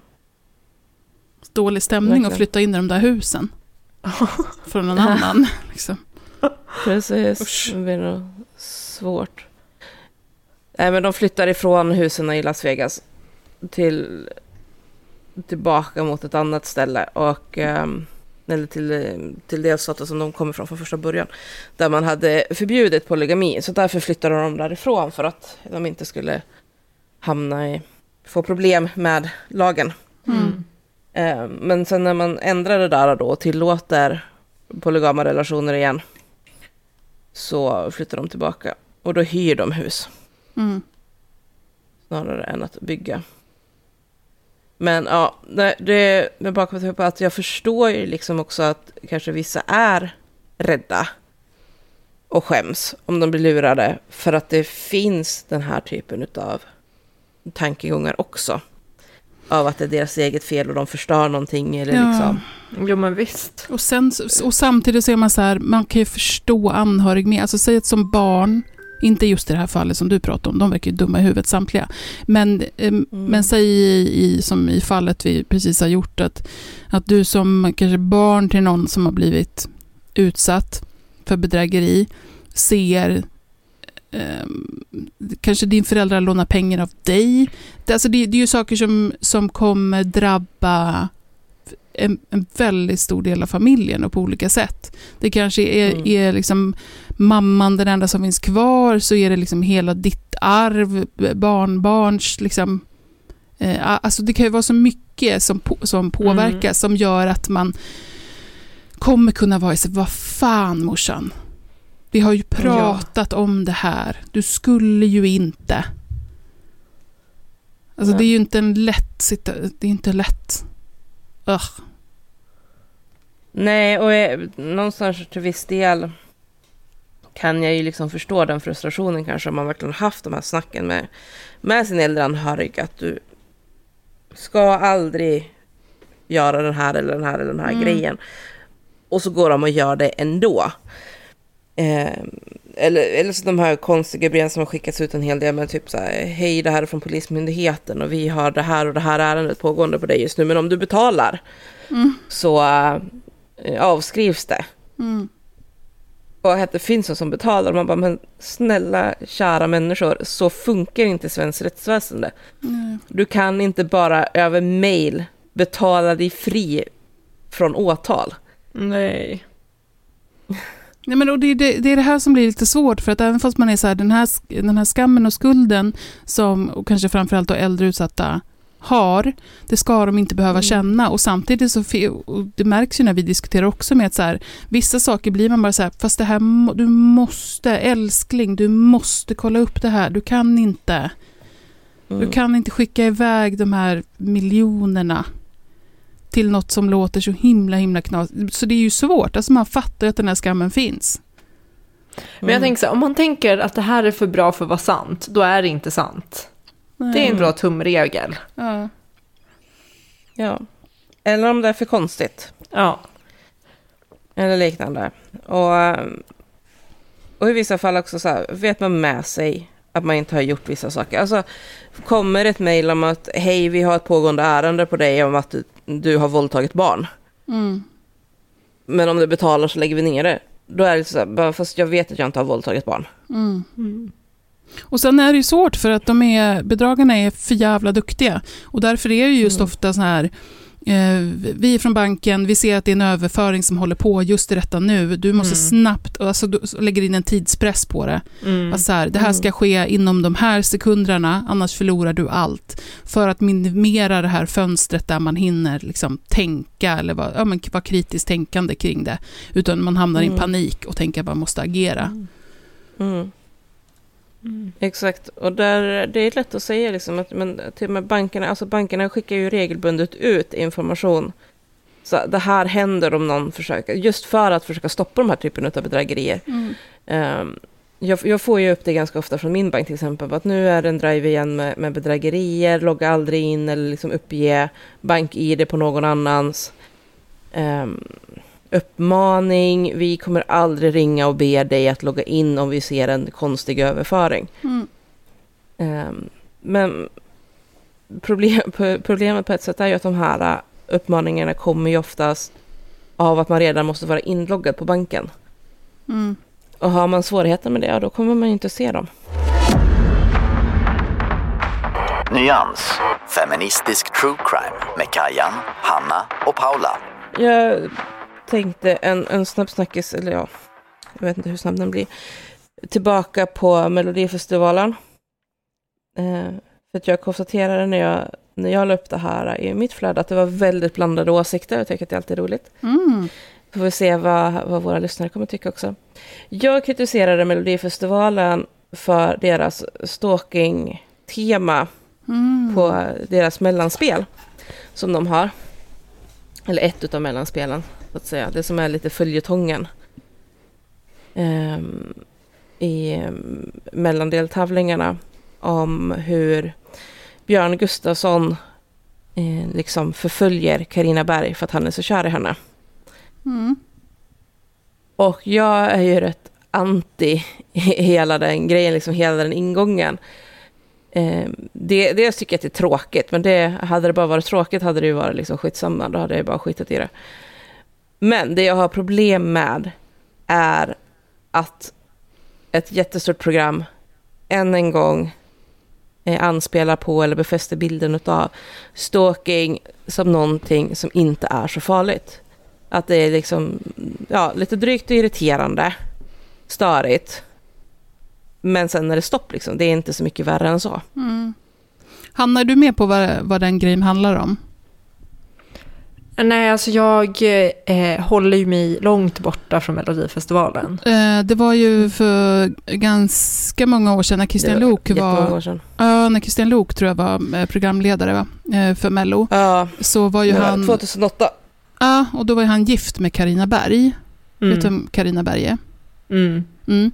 Eh, och då var det en mellanakt där Björn Gustafsson Jo, jo, men den har jag Ja, sett. precis. Och då har man i Mello det här året, eh, man gör en liksom fortsättning på, för att nu är eh, Karina Berg programledare. Och då har man Mm. liksom tagit in Björn Gustafsson igen. Så att han egentligen kom, i varje deltävling och så här så är det olika mellanakter och sånt där han på olika sätt försöker typ eh, uppvakta henne eller spela cool inför henne eller Usch, liksom... alltså gud, jag hatar sånt där. Ja. Och själva grejen, alltså första, första deltävlingen så dyker han ju bara upp på scenen liksom. Och eh, alla jublar och de spelar någonting om att han är tillbaka igen, bla bla bla. Och, eh, och han börjar prata liksom med Karina Berg om att nu, nu när hon har skilt sig Mm. från Christian Luuk och lite sådär. Ehm, och sen pratar, berättar hon att hon har ju gift sig igen med en Mm. annan snubbe. Som är lite yngre än Björn Gustafsson till och med. Eh, och eh, att de har två barn ihop och, och sådär. Eh, och, så, och så tänkte jag faktiskt att ah, ja, det var väl lite småkul men det är väl slut där liksom. Men sen kommer han ju tillbaka igen och igen och igen och igen. Fast han nu vet liksom att hon har gift om sig, hon har barn, hon har en ny familj. Eh, Då visar man ju att den här typen av beteende är okej. Att Ja. inte ta ett nej. Och det är ju många män som har problem med det, att inte kunna ta ett nej. Ja, det, det är det som min huvudsakliga kritik blir utav det här och liksom som jag känner att det, med, med liksom skavet, att det är, det är inte kul och det är inte en småsak att, eh, om det här nu hade varit verkligt och inte bara att de skämtar om det, men att, att tänka liksom att hon jobbar och plötsligt så, så dyker han upp i hennes loge. För att han har kvar sitt VIP-pass från Melodifestivalen 2008 och det funkar fortfarande att han blir insläppt. Mm. är skämtet där. Um, och, och jag kritiserar även att de hade lagt ut en bild på Melodifestivalens Instagram. Där han står och bakom Karina Berg och liksom håller om henne. Och så står en stor text ovanför liksom med Vi är tillsammans. Och så en mindre text under. På lördagar i Melodifestivalen. Och så har de bara skrivit till den bilden. Så har de bara skrivit Björn tvingade oss. Ja, nej men det är inte så jättefräscht. Um, jag kan inte säga att det här stör mig. Jag såg det på ditt ah. ansikte. Jag såg att du bara så här, du laddade. Jag såg lite, lite, lite. Nej, men jag, satt här, jag satt och ville vänta, och jag ville verkligen lyssna in era och tänka så här, är det, är det no för jag har så, det är klart jag har tänkt på det här. Mm. Eh, det är en helt en uppenbar tematik som liksom eh, ska, ska driva eh, med något. Och jag försöker liksom tänka vad det är som gör att det här inte rör mig så mycket. Dels är det nog under humorförpackningen. Jag tycker att jag själv har blivit... Um, om man jämför med från Mr Cool-eran, där jag fortfarande så här, kan gräma mig över min, själv, min egna inställning och agerande. Men det gör jag också. Gud, ja. jag har tänkt på det där. Jag, bara, jag skäms för hur jag betedde mig. Ja, ja absolut. Eh, och det var otroligt platt och eh, så himla noll analys. Jag var så jävla grund och tänkte ja. inte själv för fem öre. Nej, det var min bara sämsta. agerade på... Och sen kan jag vara så här, nej jag var inte med och tyckte att man liksom skulle ringa eh, uppdragsgivare och så här, han skulle aldrig få gigga igen och sånt där störigt. Men jag var ju 100% med på att jag tyckte inte att det här skulle spelas på Spotify.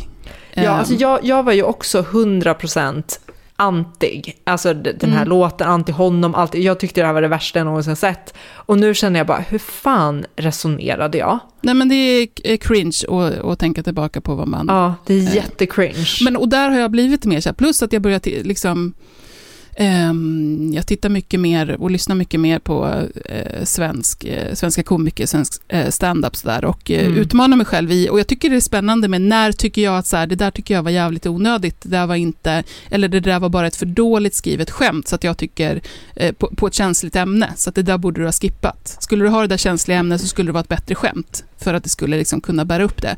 Men jag tror att i jag försöker tänka varför det här med sketcherna inte stör mig så mycket. Tycker jag att det är jättekul? Nej, det tycker jag inte.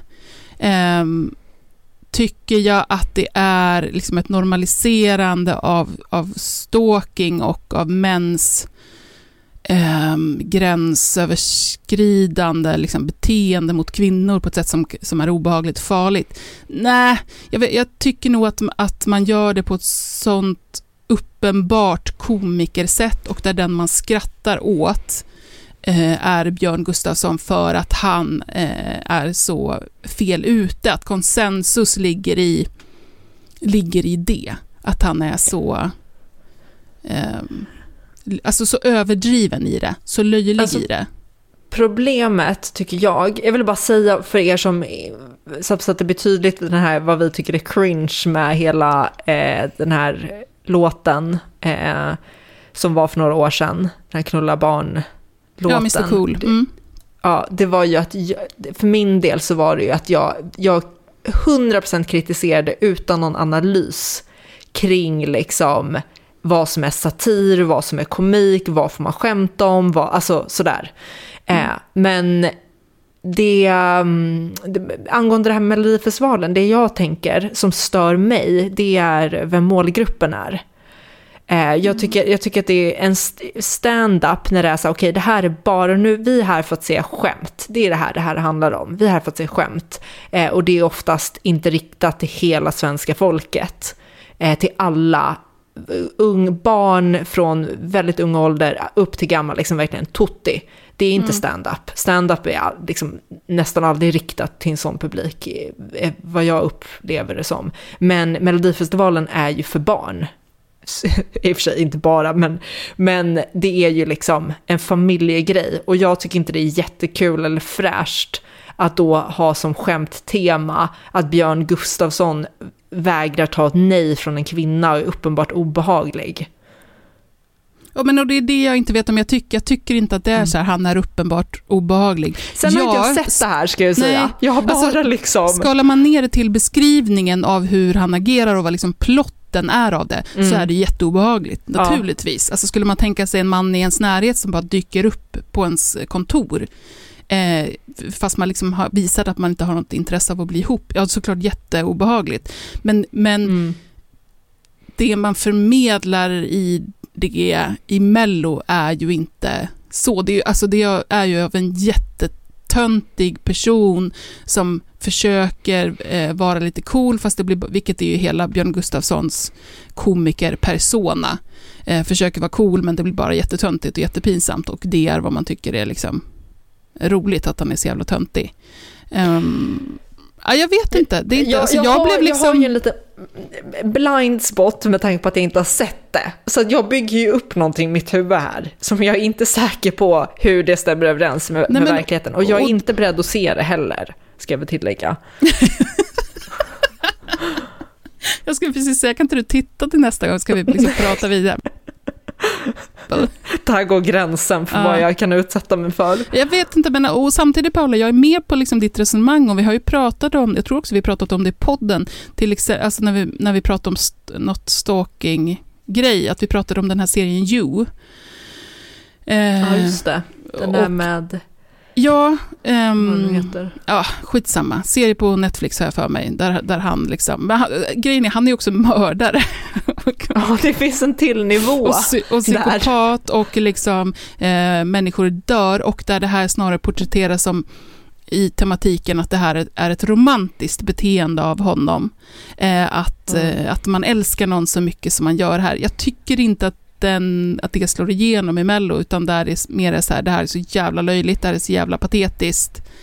Eh, och att det liksom slår mot, eh, slår mot Björn själv. Att det här, hans agerande här är så eh, patetiskt. Så, jag- så jag är med, jag är, är dubbel, men jag får inte den magkänslan när jag kollar på, Mm. på Mellon.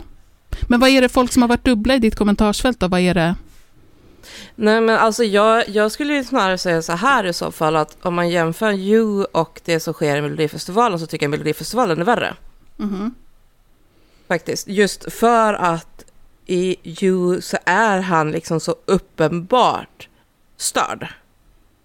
Att hur mycket han själv än målar upp att det här ska vara, alltså att det, det ska vara någonting romantiskt han håller på med, så är ju faktum fortfarande att han mördar folk Mm.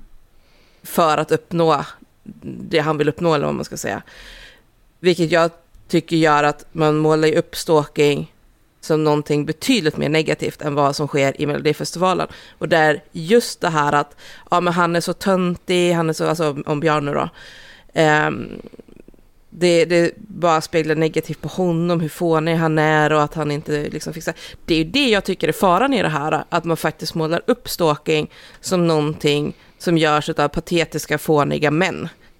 Och därmed inte är så himla mycket att ta, ta på allvar. Och det är det lite grann också som har varit dubbelheten i, i mitt kommentarsfält. Att vissa är helt med, med på min linje att det är problematiskt liksom just för att man dels visar upp ett beteende av en man som inte tar ett nej som någonting som inte är så allvarligt, det är bara hur saker kan vara. Eh, men också i att man spelar ner allvaret i stalking med att måla ut en stalker som så otroligt patetisk och ofarlig egentligen. Han är bara töntig. Um, Medan de som är emot det jag har skrivit, det, dels är det ju det här, ja men det är humor. Bara för att du inte gillar humor så kan man inte förbjuda det. Och jag, jag har inte förbjudit, jag har bara kritiserat det för jag tycker inte att det är bra. Ehm, men, men liksom, ja, man, man måste få skämta om allt, bla bla bla. Den typen av diskussioner är det Mm. framför allt. Men, men också, det lite du är inne på, kan jag liksom att, ja men vadå, det, jag kan inte se det här så speciellt farligt, han är ju så himla töntig. Eller, jag hade till och med någon som skrev bara så att jag kan inte ens tolka det här som stalking, för Karina blir ju inte utsatt för något våld och hon skrattar och liksom har överseende med Björns beteende. Ja, men det, Så det det är ju ett värdelöst argument. Ja. Eh, för, för det har ju ingenting med saken att göra. Utan det ska inte vara hennes reaktion liksom, som styr Nej. Nej. eh, hur gränsöverskridande det är. Nej, men jag tror att jag har, att det som har förändrats hos mig, eh, som gör att jag inte får den här magkänslan av att jag tycker att nej, det där skaver, för den får jag inte. Eh, jag kan mer vara lite så här, fan det där skämtet kunde de ha slipat, jobbat li- lite, lite mer på. Ehm, så att jag inte tycker att allt är jättekul. Men det är nog mer att det går liksom under humorflaggen och att jag kan tycka att saker som är väldigt, väldigt olämpliga kan vara väldigt roligt att skratta åt. Om man gör det liksom Ja, på men rätt det sätt. kan du absolut. Och där är det inte Mm. helt lätt, ska vi säga, eh, moraliskt att röra sig. Alltså jag har suttit och lyssnat på stand-up och skrattat åt liksom fettfobiska skämt som jag har tyckt varit asroliga, eh, fan funkofobiska skämt, eh, allt olämpligt man kan tänka sig.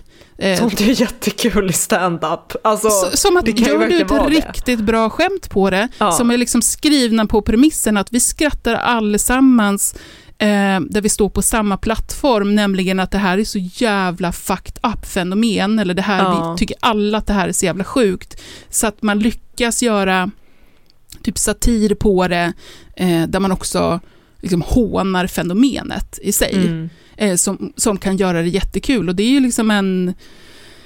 Antingen lyckas man med det eller så gör man inte det. Och lyckas man inte med det, då blir det bara ett typ rasistiskt skämt eller ett fettfobiskt skämt eh, på, ska vi säga, den feta personens, eh, de- den svarta personens, den eh, funkispersonens bekostnad. Men gör man det på ett eh, på det här förs- första sättet, som, ja, gud, det är så jävla svårt att prata om för det är så mycket som bara man reagerar på, men på det här sättet där man skrattar åt fenomenet snarare eh, och liksom Mm. eh, skriver på något osynligt kontrakt att det här fenomenet är det vi hånar. Men det roliga, det som blir roligt är ju att man skrattar och man vet ju att det egentligen inte är okej att skratta. Det är Mm. det som blir roligt i det, att det blir liksom förbjudet på något sätt. Ja, men också det, ja, delvis det. Det blir det så här att, eh, och det är ju skönt, en så här förlösande Ja. känsla i sig. Det är hela så här, du får inte fnissa på en begravning typ. Ja. Eh, och, och så, då blir det jätteladdat. Eh, men också det här tycker jag att gör man det på ett till, är man tillräckligt duktig som komiker så kan man få fram det skämtet som att det är så uppenbarligen, alltså du kan ju på, på scen stå och säga jätte säg då fettfobiska saker, men du gör det på ett så jävla korkat sätt så att det enda det driver med är fettfobikerna eh, själva. Mm. Eh, vilket då kan göra det eh, väldigt kul. Men det är Mm. en, en balansgång också hur man... Eh, jag Men vet tänker inte, jag... det, måste också, det måste också finnas utrymme att, när det kommer till eh, komiker eller komik, så tänker jag att det måste också finnas utrymme att trampa snett utan att man blir typ cancelled för det. För Ja, just absolut. att annars så kommer ju ingen våga. Nej, nej, visst. Och det, herregud, det är ju mer... Alltså, eh, men sen tror jag inte att, alltså, att Mello tycker att de har trampat snett. Det tror jag Nej, liksom nej, inte. det tror inte jag heller. Nej. Men jag menar mer bara generellt. ja. Ehm, att, det måste men- liksom, att man måste få testa grejer. eh, Ja, och se. Nej, men alltså för mig kommer det nog till, ner till hur pass duktig eh, komiker du är som lyckas få till det skämtet. Tänker man på, eh, gud vad heter den ens då? Tjockis-dokumentären. Ehm, Mm. vad heter han? B- b- b- b- Älskar att vi har glömt Alltså hans namn. Boltes. Ja, Boltes ja. Boltes. Just det. Ja. Eh, tänker man på Boltes och det man har sett från hans stand-up, där han liksom ska, ska driva, så är ju inte han i närheten av att vara en tillräckligt skicklig eh, komiker för att kunna dra sådana skämt och det blir på fettfobikernas bekostnad. Utan han gör det ju enbart på feta personers bekostnad. Och det, det är väl där i jag känner att skillnaden är. Skrattar man bara åt så här, ha feta får aldrig ligga. Eh, eller drar man ett skämt som liksom visar hur fettfobin är så jävla eh, bizarr och korkad eh, och puckad. Så, så kan ju, skämten kan låta ganska snarlika men det hänger på hur pass dukt, hur inramningen är och hur pass duktig, duktig komiker du är. Det, jag är väl där någonstans. Sen är det ju svårt, för jag tycker Ja. ju heller inte att Mello är jätte, jätteroligt i det de skämtar om, men jag tycker ändå att Nej. de klarar sig på, på liksom över Mm. på andra sidan. Men alltså jag, jag vill bara säga det att jag håller ju med i, i det här generella resonemanget, för nu vart det jättekonstigt, nu låter det som att jag verkligen är den där Nej, nej, nej. förbjud all humor jag inte tycker om, bla bla bla. Nej, alltså jag har också, jag skrev det i någon kommentar också, så alltså jag fan vissa av mina favorit stand komiker som liksom har stått och skämtat om mordet på Engla och lite sådana grejer, men gör det på rätt sätt. Mm. Och då är det svinkul. Och det som väl skiljer oss här just nu, det är att jag anser inte att Mello håller sig på rätt sida linjen. Nej. I att, eh, att faktiskt balansera det här skämtet om känsliga ämnen på ett bra sätt. Mm. Um, och andra får tycka annat liksom. Det, är, det är inte konstigt. För det är det också så att folk kräver ju någonstans att ja, var ska gränsen gå och var ska linjen finnas så? Bara det, det finns ingen tydlig Nej. gräns för att vi kommer uppfatta saker olika, mm. vi kommer ha olika känsliga för olika grejer. Men generellt kan jag tycka att ett program som Melodifestivalen som sänds för så otroligt många olika typer av personer kanske inte är riktigt det programmet som ska skämta om känsliga saker på det sättet. Mm. Eh, just för att inramningen blir fel. Medan går man på en viss typ av stand-up-komiker till exempel, så är inramningen en annan. Man vet vad för typ av humor man kommer kunna vänta sig, man vet vad liksom... Mm. Alltså jag tänker, ta Hanna Gatsby till exempel, mm. med sina stand-up-grejer. Hon skämtar ju om våld mot lesbiska, hon skämtar liksom om eh, begotta inställningar, homofobi och sådana här grejer utifrån sin egen levda verk verklighet. Och i inramningen av vem hon är och vilken humor hon har så funkar det ju. Men vissa av hennes skämt hade absolut aldrig någonsin funkat om man plockade det bort från den kontexten. Mm. Mm. Ja, helt med på det. Eh, och, och, som sagt, det går inte att dra en entydig gräns, liksom, för att det, det är ju som alltså, humor och eh, som min hjärtefråga som är konst, att man kan liksom inte ta den egna upplevelsen och tolkningen och göra det till ett eget regelverk, så funkar det ju inte. Men det blir intressant att diskutera varför ens egen mm. gränsdragning går där den går och mm. varför mm. vissa saker hamnar på ena eller andra sidan. Nyans, feministisk true crime med Kajan, Hanna och Paula. Eh, tack för att ni har lyssnat idag hörni. Eh, vill ni bli Patreons och lyssna på eh, två avsnitt i veckan, och det tror vi att ni vill, så hoppa in på patreon.com nyans och så kan ni vara med oss där. Tack för idag. Hej! Hej! Hej då!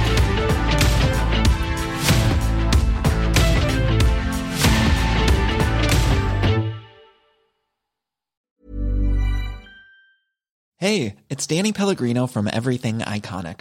Ready to upgrade your style game without blowing your budget? Check out Quince. They've got all the good stuff shirts and polos, activewear, and fine leather goods, all at 50 to 80% less than other high end brands. And the best part? They're all about safe, ethical, and responsible manufacturing. Get that luxury vibe without the luxury price tag. Hit up quince.com slash upgrade for free shipping and 365 day returns on your next order. That's quince.com slash upgrade.